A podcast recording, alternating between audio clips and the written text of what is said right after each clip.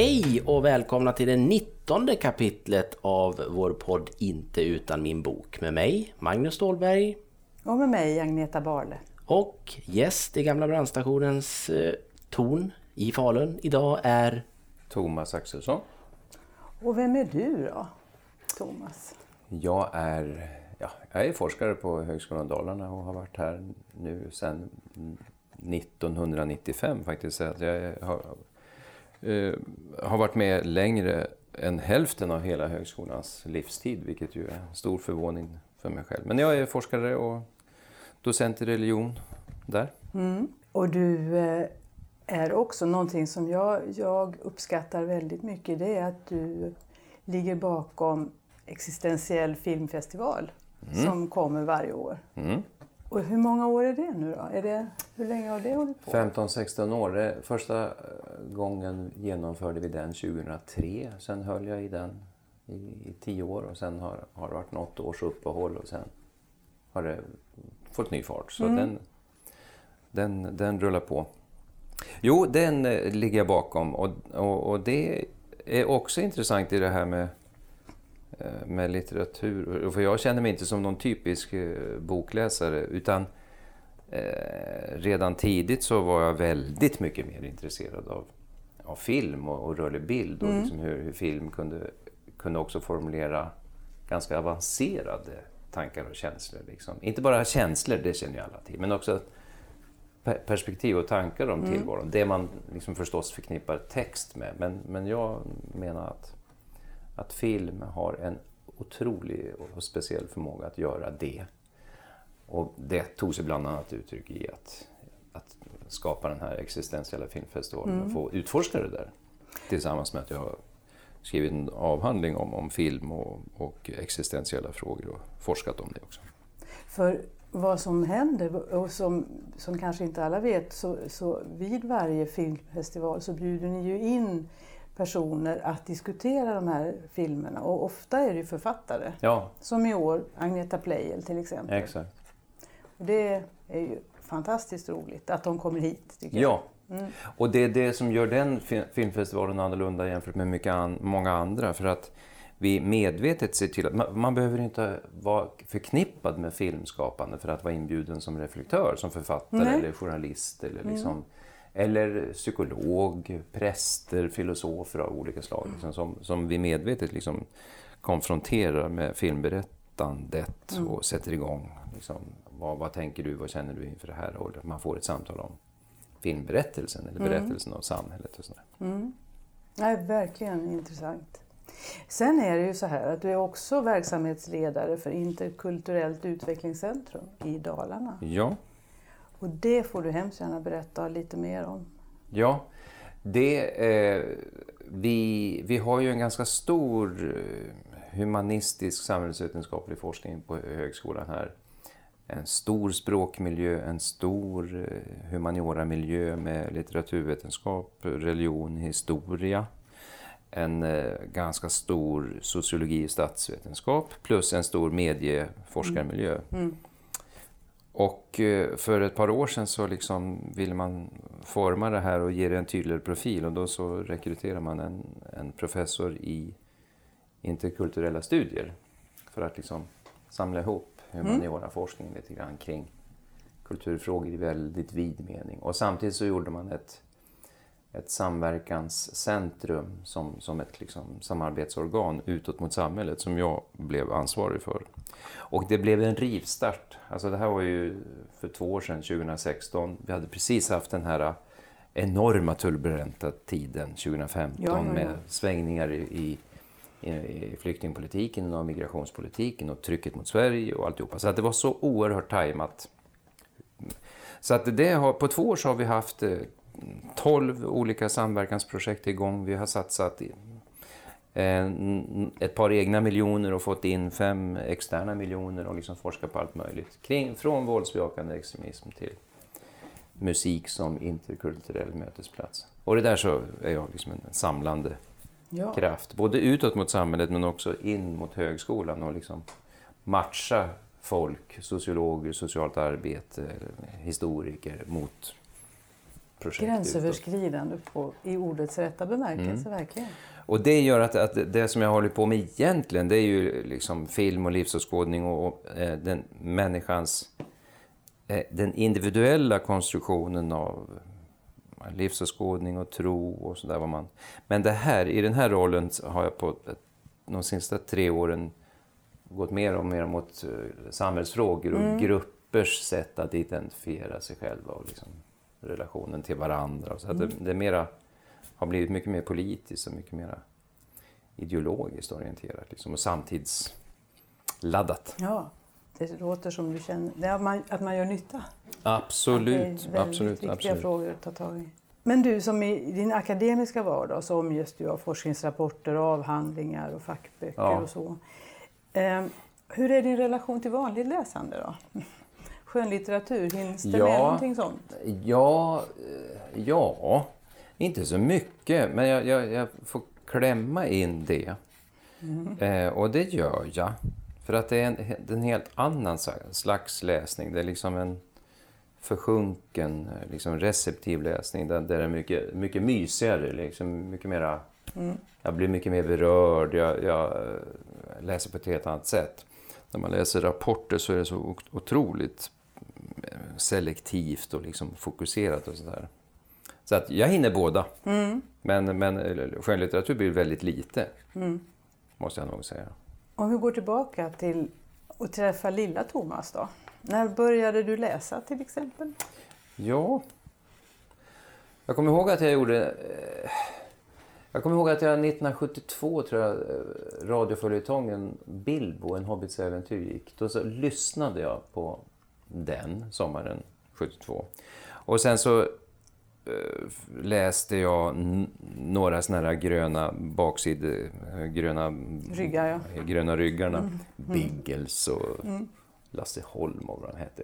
Ganska krystade läsupplevelser, eller det, det gav inte särskilt mycket. Jag, jag läste det, men det fastnade inte. Däremot, en, en läsupplevelse som dröjde sig kvar på lite konstigt sätt. Det, ett, några år senare, när jag var 14 kanske, så så högg jag en annan bok som stod i sommarstugan som var Victor Hugos Skrattmänniskan. Hoppla! Hoppla, exakt. Och den läste jag och, och kom in i. Mm -hmm. Fräsigt. Eh, som 14-åring. Jag kommer så väl ihåg hur, hur liksom jag blev upprymd av Ja, för jag, kom, jag, jag hade ett, liksom, sov i en egen bod eh, mm. som, där, som fanns där med liksom en gästsäng. Och att jag kunde bara fortsätta att läsa. Klockan blev 12, 1, 2 och jag kunde inte sluta läsa. Och jag behövde inte heller sluta läsa. Det var ju bara att fortsätta. Liksom, till klockan 3, halv 4. Och det var en sån euforisk upplevelse av wow! Och samtidigt en otroligt komplex och märklig historia liksom, som jag inte förstod särskilt mycket av, men drogs in i fullständigt. Liksom. Har du vågat läsa den igen? Nej, det har jag inte gjort. Det har jag inte gjort. Nej, den kanske ska vara den där lilla skimrande boken. Ja, jo, det skulle... Jag blir ja. jättesugen på den. Vad gjorde den med dig då? Alltså, betydde den något i ett större perspektiv för dig? Hur, vad du sen tog vidare, hur du tog dig vidare ut i livet sen? Liksom? På något sätt, öppnade den en dörr att ah, det här tycker jag är, det här är min väg, eller? Nej, det går inte att säga riktigt så. Men däremot, alltså, ja, det, man, man, kan verkligen fråga vad, vad som... För det skapar ju någon slags resonans med någonting inom mig den här märkliga, deformerade... Det, det, som jag minns det nu så handlar det om, en, om eh, vanmakten och föraktet för den här eh, deformerade människan. Liksom. Mm. Eh, och hans eh, relation. Det var ju någon kärlekshistoria där också. Så det var ju väldigt, en så otroligt sorglig historia. Liksom. Men som handlar om, om förakt och upprättelse. Och, och de frågorna inte, jag satte inte ord på det, det formade mig inte, men, men det skapade en resonans kring något som har varit med mig ja. hela vägen. Mm. Så. Mm. mm. så den tog tag i ett tema som som berörde? Och... Som berörde och som har förstärkts och som är oavslutat. Liksom. Mm. Jag tänkte bara utifrån som du sa att du fastnar inte alls för Biggles alls. Utan, men här händer något och då ja. är liksom Att det Där blir någon, någon slags vägskylt där på som säger att gå, gå hitåt istället för Ja, ditåt. Mm. jo. Jo, det kan man, så kan man nog säga. Ditt vägval sen att eh, välja att studera vidare och så, var det självklart? Från den miljö du kom och ja, sådär? ja, jag bodde i Uppsala. Okej. eh, och- Så det var självklart Mm. att... Fanns det mycket böcker hemma?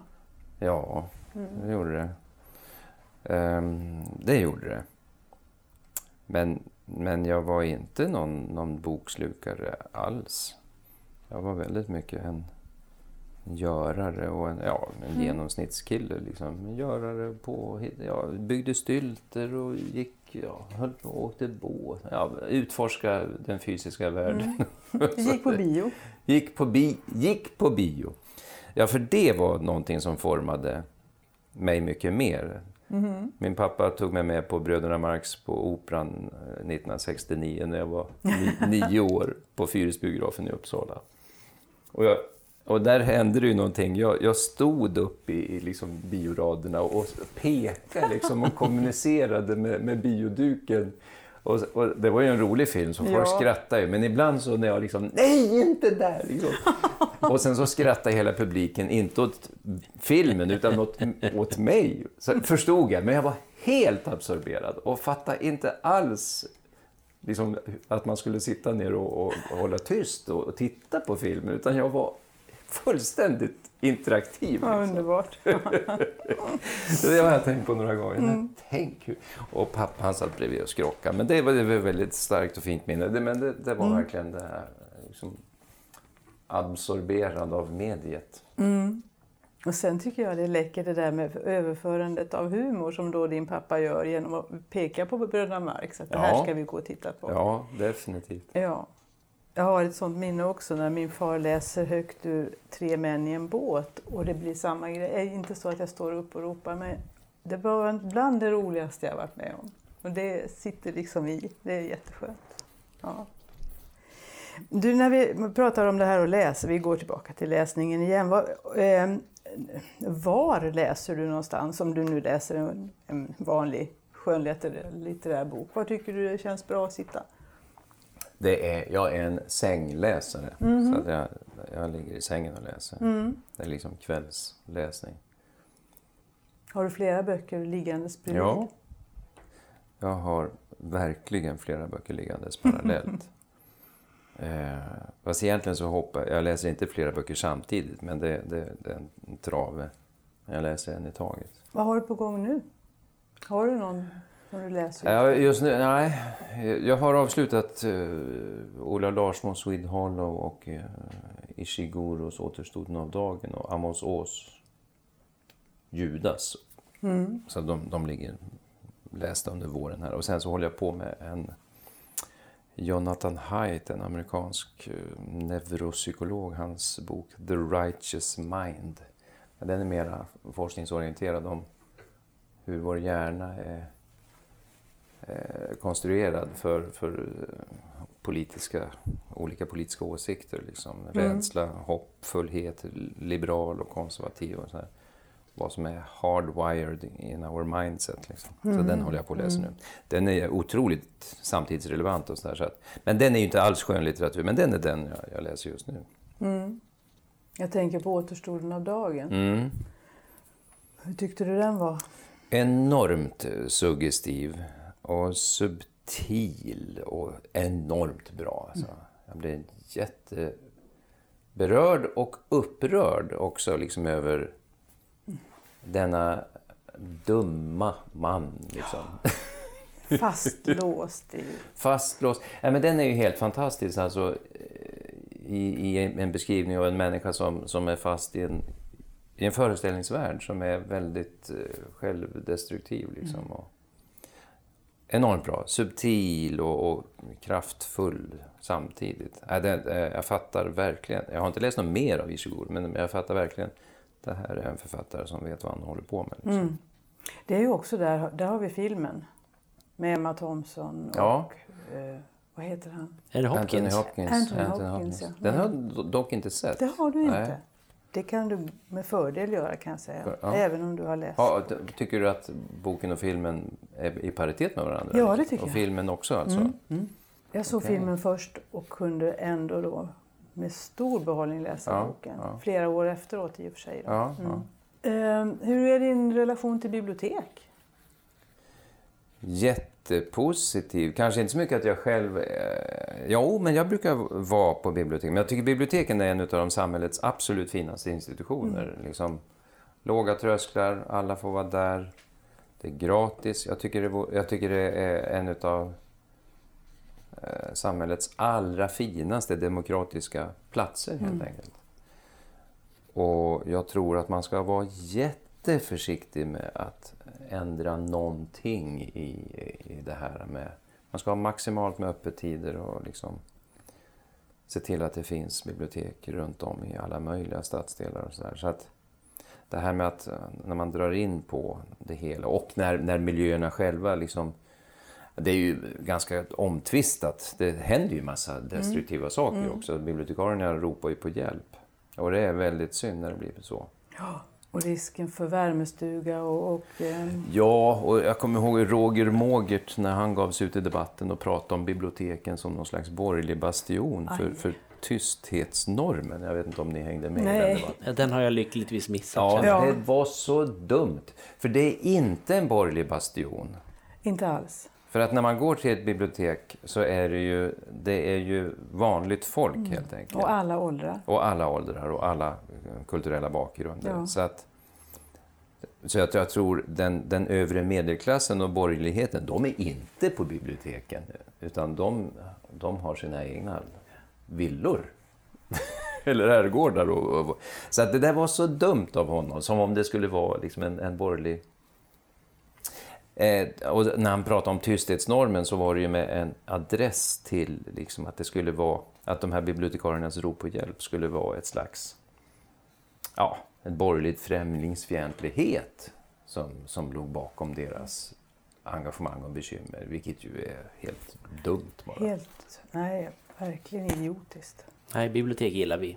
Jag tänker på det, även om det idag är annorlunda, att biblioteken har en helt annan roll än jag tänker när jag... När, när dörrarna till läsning öppnades för mig då. Eh, då var ju det den enda dörren. Egentligen, att man i det här fallet skolans bibliotek, där jag gick, att, att jag förstod, jaha, finns det ett rum med en massa böcker i? Och och jag får gå dit och titta, och du får titta överallt. Liksom. Du får och, låna ja, med Och så får du ta med någon bok hem. Det, jag kommer ihåg, jag, det minns jag faktiskt, att jag satt och bläddrade i en bok. Och sen så skulle vi ju sluta, vi var ju det var ju så man hade väl en, idag ska vi besöka biblioteket, det var väl första gången. Och då tänkte jag såklart att man skulle gå därifrån, liksom, jag vill ju fortsätta. Och, och just det som du säger då, och få höra, men man får låna böckerna här. Och vadå till klassrummet? Du får ta med den hem. Och det är ju helt fantastiskt i alla. För mig var det ju verkligen det. Det, det handlar ju om att, liksom, att en gång få komma till ett bibliotek. Antingen blir man ju fångad eller så blir man inte det. Men att biblioteket finns. Även om vi kan nå läsning och sånt på, på andra sätt idag så, så är det fortfarande... Ja, jag, jag, jag, det kan jag verkligen minnas som, apropå det här med, med något som pekar i en riktning. Jag vet inte vad som skulle hänt om, om det inte finns den där läraren som tar med klassen till biblioteket. Som en del, alltså idén med bibliotek är ju så bra så det finns ju ingen anledning att argumentera för något annat än att det ska finnas jämt. ju. Vi har ju ett väldigt vackert nybyggt högskolebibliotek. Och jag har tänkt på det när jag går in där, till skillnad från att sitta vid datorn och, söka efter böcker. Så när jag hamnar på det fysiska biblioteket så, så går man ju och strosar liksom och tittar. Också när man tittar efter en särskild bok så ser man ju andra. Eh, så att man, jag drar ut en bokrygg, hmm, liksom man går ru- runt i ett slags receptivt strosande och wow, och, och så tar man och tittar och står och bläddrar och läser en sida liksom, och kommer in i någonting som man inte alls har förberett sig för. Det tycker jag är, är också något väldigt speciellt med det fysiska biblioteket. Definitivt. Och som skapar en annan stämning än när man... Nu kanske unga googlare också kan hamna i det där utforskandet, eh, strosandet. Men jag kan inte göra det i skärmmiljön. Mm, det händer bara när jag är på det fysiska biblioteket. Och det är väl något vi skulle kunna berätta, för jag tror inte alla känner till att högskolebiblioteket ju faktiskt är väldigt öppet för alla. Ja, och att precis. alla får låna där alla också. får låna. Så ett tips är att gå dit säger jag, för jag tycker det är helt fantastiskt. Ja, Jag sitter, jag sitter och tänker på det. Vi har ju i, i tidigare kapitel kommer vi då och då in på det här hur man läser och i mitt fall då att jag ju dels lyssnar på mycket eh, nä- Ljudböcker. böcker men, men att jag också tar till mig väldigt mycket böcker digitalt. Men så lyssnade jag på, på och, och som sagt det här har vi diskuterat tidigare i lite olika saker på lite olika, från lite olika vinklar då. Men nu lyssnade jag bara för någon vecka sedan på Kristoffer Triumfs Värvet när han hade Uno Svenningsson som gäst. Och eh, fick en sån här... Egentligen kan jag tycka att det är konstigt att det var en aha-upplevelse för det är egentligen inget nytt någonting. Men det, det slog an något i mig och det var att när Uno Svenningsson berättade att han bodde... När han upptäckte skivan, LP-skivan då. Då hade han närmaste skivaffär låg tre mil bort. Och så beställde han vilken skiva det nu var. Eh, och sen ringde han då varje dag och frågade om den hade kommit. Och den dagen den hade kommit då satte han sig på sin moped och körde tre mil. Köpte skivan, stoppade den innanför jackan, hem och sen satte på och lyssnade på den här. Och då, tänk, då slog det mig det här, det är naturligtvis jättefantastiskt idag att, att vi har så mycket musik. Vi har all, massa populärkultur och äldre kultur, allting jättenära oss och så. Men, men jag kunde så väl känna igen det som händer när det tar så otroligt lång tid ifrån beslut att jag vill ta till mig det här till jag faktiskt får göra det och, och hur den här långa resan gör, att, gör något med det. det. Det tänkte på det när du sa att man är i biblioteket och går runt och strosar, för det är samma sak, det, fast man har ändå närmare sig. Men, men det, det tar längre tid än när man sitter med sin skärm. Det, det är snabbt svar hela tiden. Det ena svaret ger det andra, jag studsar vidare. Det är fantastisk teknik och jag har använt och jobbat med det professionellt i 20 år.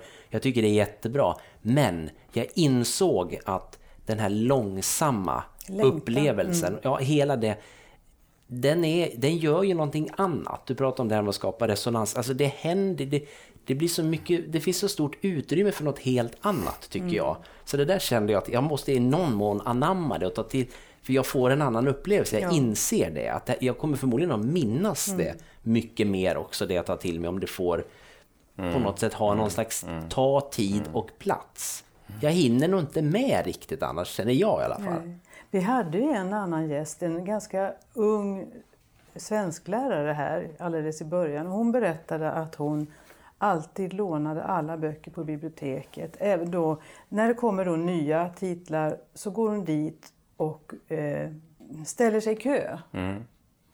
Och det, hon tycker om att stå i den där kön. eh, Tids nog kommer den till henne. Just den väntan på boken. Nu är det din tur att läsa den. Det gillade hon.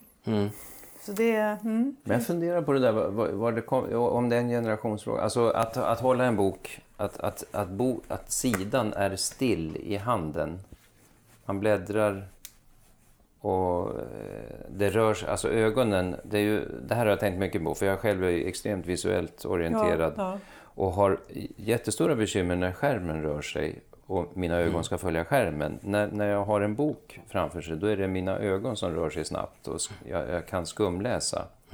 Men skärmen rör sig inte.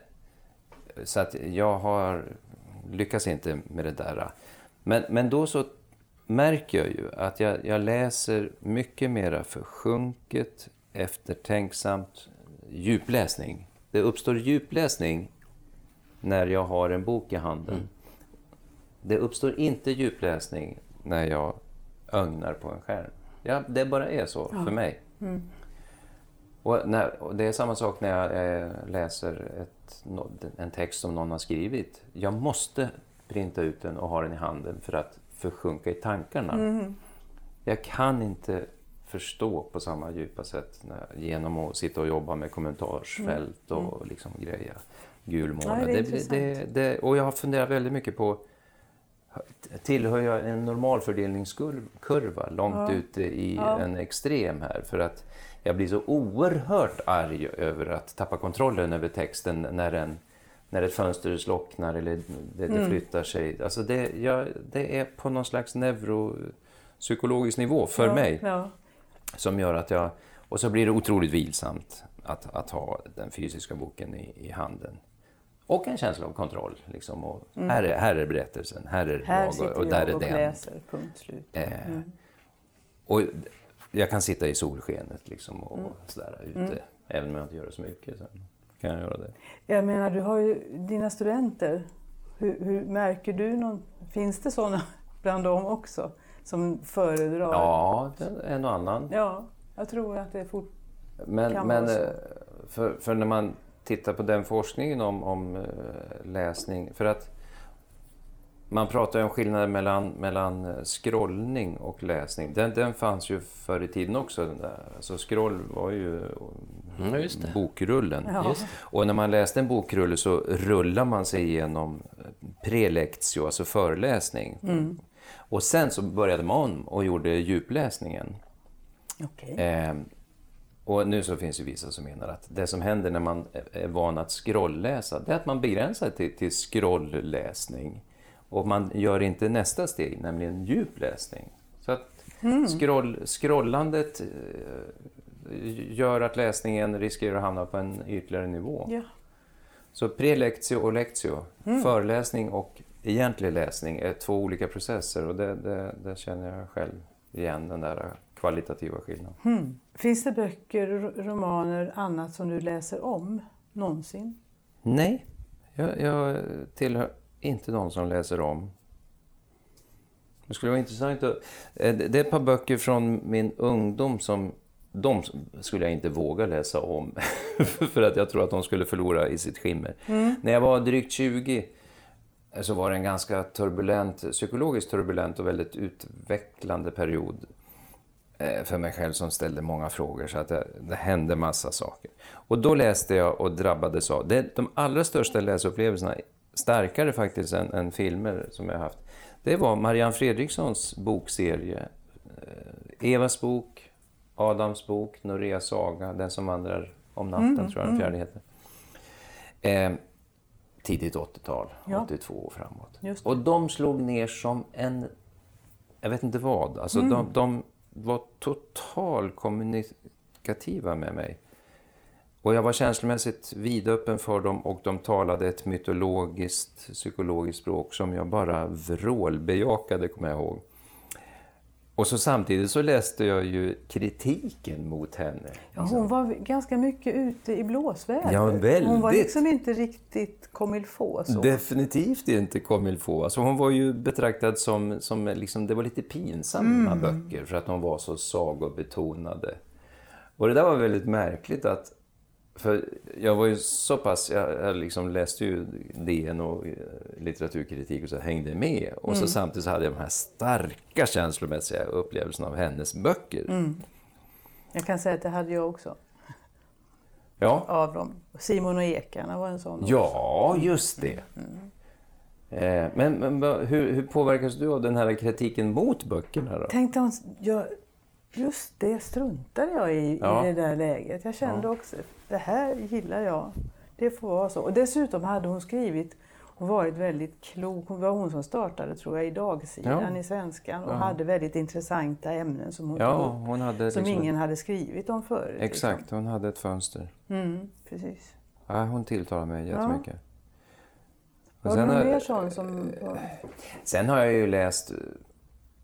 För de böckerna, de formade mig, måste jag nog säga, liksom i, i synen på relationen till tillvaron. Och liksom mytolo- alltså att, Ja. att, hon talade ett mytologiskt språk. Så att jag, jag, har ju, jag är uppvuxen i en, i en religiös, en, en frikyrklig familj i Uppsala. En radikal frikyrklig familj. Men jag fattade inte riktigt det religiösa språket. Men men hennes böcker öppnade upp det här mytologiska så att det gick att förstå för mig. Så att de var jätteviktiga.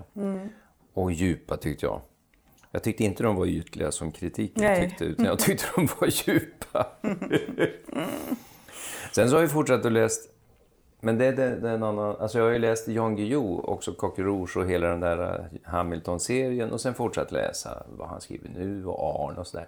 Och de är ju roliga, eh, men de tycker jag ju är lite, eh, de är otroligt underhållande men är lite löjliga. Där ser jag ju själv medan jag läser dem att det här är lite löjligt liksom.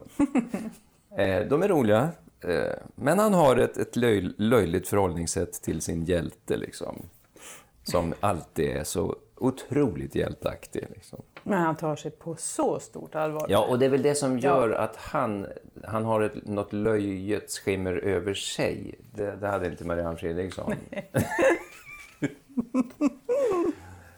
Eh, och det, bryter igenom i böckerna, även om man läser de här böckerna om det 1900-talet. Ja. nu, Men, men, men han skriver bra och han hanterar... Liksom, och jag gillar hans sätt att använda litteratur för att brottas med, med samhällsprocesser och skildra liksom, samhällsförändringar och ideologiska... Jag tycker han är jättebra helt enkelt ur det perspektivet. Och otroligt produktiv. Ja. Vi brukar klämma i med något boktips så här när vi har pratat en stund. Har du något boktips? Jo, men jag... Eh, den, förutom Ishiguros återkomsten, återstoden av dagen, så eh, innan dess så läste jag eh, Ola Larsmos Swede Hollow. Ja. Och den, den berörde mig också på ett märkligt sätt som jag inte riktigt förstod varför. Jag, jag blev jättetagen av eh, den berättelsen som utspelar sig där. Liksom, det var ju svenskar som hade emigrerat. Och sen så fick man följa deras ganska arm, arma liv och armodsliv i, i St. Paul i liksom USA. Och så samtidigt så var det inte, det, det var inte en, sor- det var en sorglig historia på ett sätt men ändå inte en miserabel historia. Så att, Ja, man eh, står ut och läsa den. Ja. Ja, och det fanns en, en värdighet och en, en... liksom, det var... Historien slutade på ett sätt med att hela det där Swede Hollow bara gick under, eller inte upphörde att finnas. Men det var ändå en... en det, han, han hanterade det på ett intressant sätt. Och så samtidigt så gav det ju någon slags perspektiv på vår situation här, när, när människor kommer hit. Ja. Och, så att den där boken rörde sig på, på så många nivåer samtidigt på ett sätt som, som jag tycker riktigt, riktigt eh, djuplodande text kan göra. Liksom. Det, han kopplade ihop mina känslor inför svenskar som flyttade från fattigdom då, det historiska då, till flyktingar som rör sig till vårt land idag. Och hur man då också tyr sig till varandra. Ja. För jag menar, så är det ju i Swede Hollow. Att där bor det svenskar, dit tar vi oss också. Ja. Liksom. Och det är extremt naturligt att man gör det. Liksom. Naturligtvis är det så. Och Sen han- har ju vi alltid gått och haft Mobergs ut, utvandrare, Ja. invandrarna, att relatera till. Det här är ju någonting, en helt annan ja, berättelse. ja. Mm. Och sen så... Och sen när jag hade läst klart den så var jag väldigt vemodig liksom inför... Och det, den, den kraft, eller den, den, tog, den känslan tog tag i mig och jag visste inte varför blev jag så vemodig inför... Det, man blir vemodig när man slutar, när en bra bok är slut så blir man vemodig. Men just den boken, blev, där var det en, deras bosättning som upphörde och svenskarna slutade att vara en grupp där. Så det, jag var vemodig och deras vägnar också. Ja. Och så samtidigt, men vad är det här för känsla? Då är det att jag är, är, har att göra med min egen ålder? Är det liksom en, en föraning om, om livets eh, vemodiga slut? Liksom den, den, boken pekade på så många saker alltså. Med varsam hand. Ola Larsmo är ju, tycker jag, väldigt respektfull som författare mot sina ämnen. Djupt humanistisk. Liksom. Han har kompassen på exakt rätt ställe. Visst var han ordförande för PEN? Ja. Och han har varit här på Existentiell Ja. filmfestival. Och, och vi hade lite beröringspunkter i Uppsala på 80-talet. Han, han var med där, så vi, vi träffades innan han liksom blev DN-journalist och så här. Jättefin liksom. Så att, eh, ja, hans, hans, eh, ja, den boken tycker jag är, var helt otroligt bra. Så den, den, den tycker jag, den ger, ja den ger jättemycket. Oavsett, oavsett vad man skulle kunna ha för ingång till den, som ett, bara som en story för, för svenskarna. Men framförallt att den kopplar mot vår tid på ett häftigt sätt. Bra tips. Intressant tips. Ja, mycket. Jag känner att jag, den passerade mig lite grann den där. Jag noterade att den har kommit och lite vad den handlar om. Men jag, nu blev jag, kände jag att jag ska nog vara lite vaken göra. på den. Mm, läs den. Mm. Bra. Det blev ju en spin-off här med, med en liten lunchteater på Dalateatern. Just det. Där eh, Malin Foxdal Ja, gjorde en samma. jättefin liten, liten miniföreställning. Också. Mm. Var den kopplad till hans Ja. Swede Hollow? Jag såg först den där lunchteatern Ja. och blev också berörd av, av storyn. För Mm. att det, det var en karaktär ur Swede Hollow som hon hade gjort en liten föreställning av och Mm, om. Och sen så läste jag Swede Hollow. Men jag kunde aldrig räkna ut vilken av karaktärerna i Swede Hollow det var. Så det, var det verkar vara väldigt löst. bra. Löst skapligt. Jag, kunde, jag räknade aldrig ut vem det var. Jag så här släppte det där efter. Det behövdes inte. Ditt tips Agneta är jag Ja. nyfiken på. Jo, men då ska jag slå till med en numera lite... En, ska jag säga före detta eller en väntande akademiledamot. Peter Englund. Mm. Vi pratar inte om akademin idag tycker jag. Vi struntar i den. Men jag vill lyfta fram en bok som, som heter så mycket som Jag kommer ihåg. Den kom för något år sedan. Och eh, det är liksom ingen berättelse om Peter Englund, men det är små nedslag i hans minnesbank. Och vissa minnen är bara hans och andra minnen kan man liksom själv känna igen väldigt väl. Det är små skärvor som inte syns i den stora historien, men ändå är det minnen som har dröjt sig kvar i hans hjärna, för det är ju så vi, vi är. Va? Och jag gick igång på det här direkt när jag läste den och började sätta mig själv och, och skriva på det här sättet. För det är nämligen, hur många minnen är det han har här? Han har så mycket som 658 minnen i den här boken. Och för att ni ska förstå hur den är upplagd så tänkte jag att jag skulle läsa ett par av dem. Jag kommer ihåg små ettöringar, lite större tvåöringar och stora femöringar. Allt i koppar. Jag kommer ihåg ett tuggummi som hette jänka, var grönfärgat och smakade en aning salt och då är det en fotnot där. Här minns jag fel, det hette riff. Jag kommer ihåg de små plåtbilarna av märket Dinky Toys med svarta gummihjul som gick att skala av och att det var kul. Jag kommer ihåg hur vansinnigt tråkigt det var att vi varje höst bara måste ut i skogen för att plocka bär. Och jag kommer ihåg glädjen då jag en höst blivit så stor att jag slapp följa med. Jag kommer ihåg att farmor aldrig åt med oss andra utan bara passade upp och väntade tills middagen var slut. Vartefter hon åt sin måltid sittade på en pall vid spisen i köket. Ja, just det. Och så håller han på. Och jag känner, det här triggar mig. Jag tycker det är så kul. Jag vill verkligen göra något liknande. Sen finns det ett fantastiskt omfattande register med allt från cigarettändare och familjen Flinta till kondomer och sopnedkast. En riktigt, ja den rekommenderar jag verkligen. Det är ju kul, jag, jag har tänkt på det där faktiskt. eh, I och med att det, de är numrerade också, visst är Ja. de det? Ja.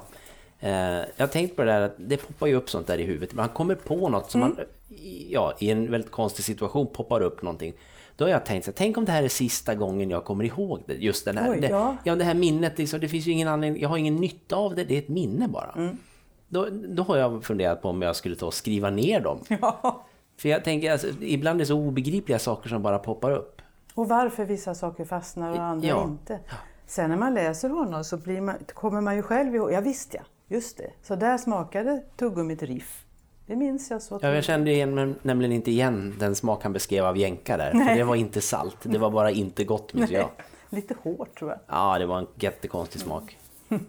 Men eh, kul idé. Det känns, och det där är, när, jag, när du visade den för mig, jag hade aldrig sett den där förut, då tänkte jag den där skulle ju kunna få vem som helst att skriva en bok. Alltså vem som helst kan bli författare. Ja.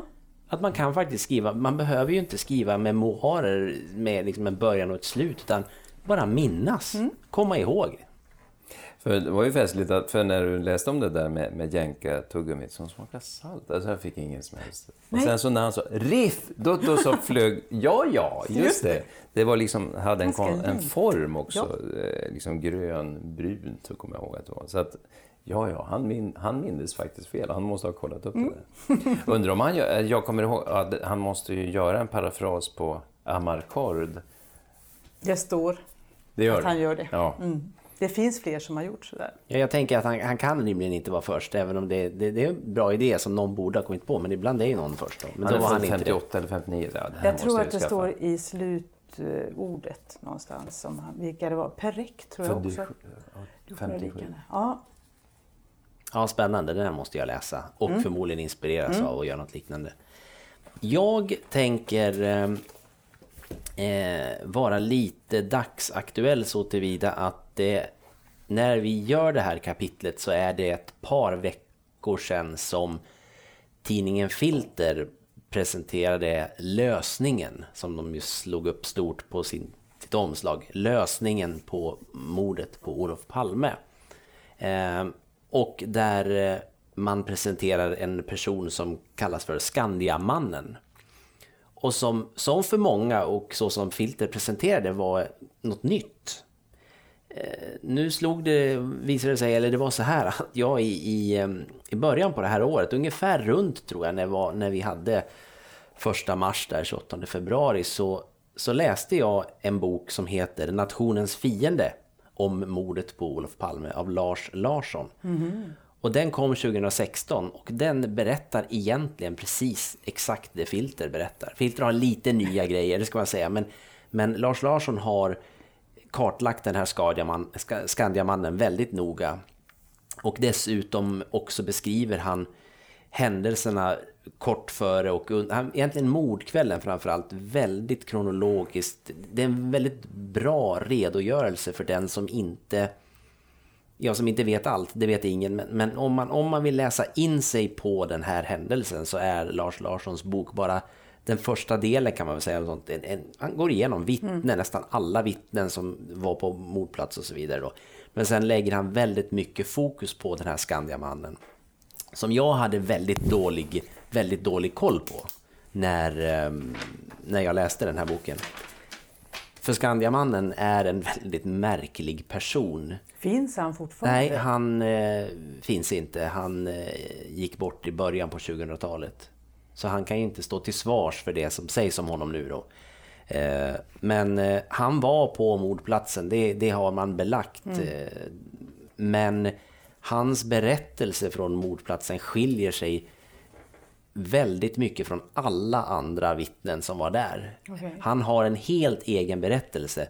Men man kan avfärda honom som en mytoman därför att han har en uppgift som bara som man bara kunde känna till om man var där. Han rapporterade in den så tidigt så att det hade inte stått någonstans eller någonting. Mm. Mm -hmm. Men hela grejen med Skandiamannen eh, som gör att det här är så speciellt, det är att han stämmer in på det signalement som nästan samtliga vittnen som var på mordplatsen pekade ut som mördaren. Det är det ena. Han redogör också för saker som, som ingen annan har sett alls. Han, han beskriver exempelvis då Lisbeth Palme som samlad och, och kontrollerad och så. Det finns ingen annan som beskriver henne så. Vilket ju är ganska begripligt att hon inte var. Och är rätt traumatiskt. Ja, och han, han säger att han har pratat med poliser och annat och det finns liksom inte dokumenterat att han har gjort det. Han sprang, han säger att han har sprungit efter poliser för att berätta att de nog kan ha fått fel signalement på mördaren. Därför att de har råkat säga att, att mördaren ser ut som han gör och det var inte riktigt, det hade blivit något fel där? Eh, säger han att han har gjort. Vilket också är väldigt märkligt eftersom det stod fullt med poliser med walkie-talkies på mordplatsen. Så han kunde ha gått fram till dem och sagt kontaktat de som sprang iväg före där och säga att de verkligen säkerställer att det är rätt signalement. Mm. Um, och sen har han också varit väldigt noga med, med när han stämplar ut, för han jobbade ju nämligen på Skandia och det var ju bara en minut eller någonting ifrån mordplatsen. Mm. Och han var väldigt mån om att få klarlagt exakt när han hade stämplat ut för dagen därför att han ville få tider att stämma på något sätt. Och, och varför han ville att de skulle stämma om det var för att han ville bekräfta att han hade varit på mordplatsen så att folk skulle tro på hans berättelse. Eller om han ville flytta tiden så att inte skulle kunna, han inte skulle kunna vara gärningsmannen. Det vet man inte. Och polisen gjorde en massa misstag, det vet vi under den här utredningen. Och ett var ju Skandiamannen. Han utreddes aldrig färdigt. Nej, okay. Man missade honom. Mm. Men boken Ja, boken, man, man, man, kan säga att, som... att, ja, att boken pekar ut Skandiamannen ja. på samma sätt som, som Filter gör. Mm. Okay. Ehm, nationens fiende. Nat ja. Nationens fiende, ja. Precis. Lars Larsson. Och precis där så inträffade det snöpliga att batteriet i vår inspelningsutrustning, det tog slut. Så det blev inte mer inspelat tillsammans med Thomas Axelsson. Så du har precis lyssnat på ett litet avklippt kapitel av podden Inte utan min bok som produceras av Magnus Stålberg och Agneta Bale.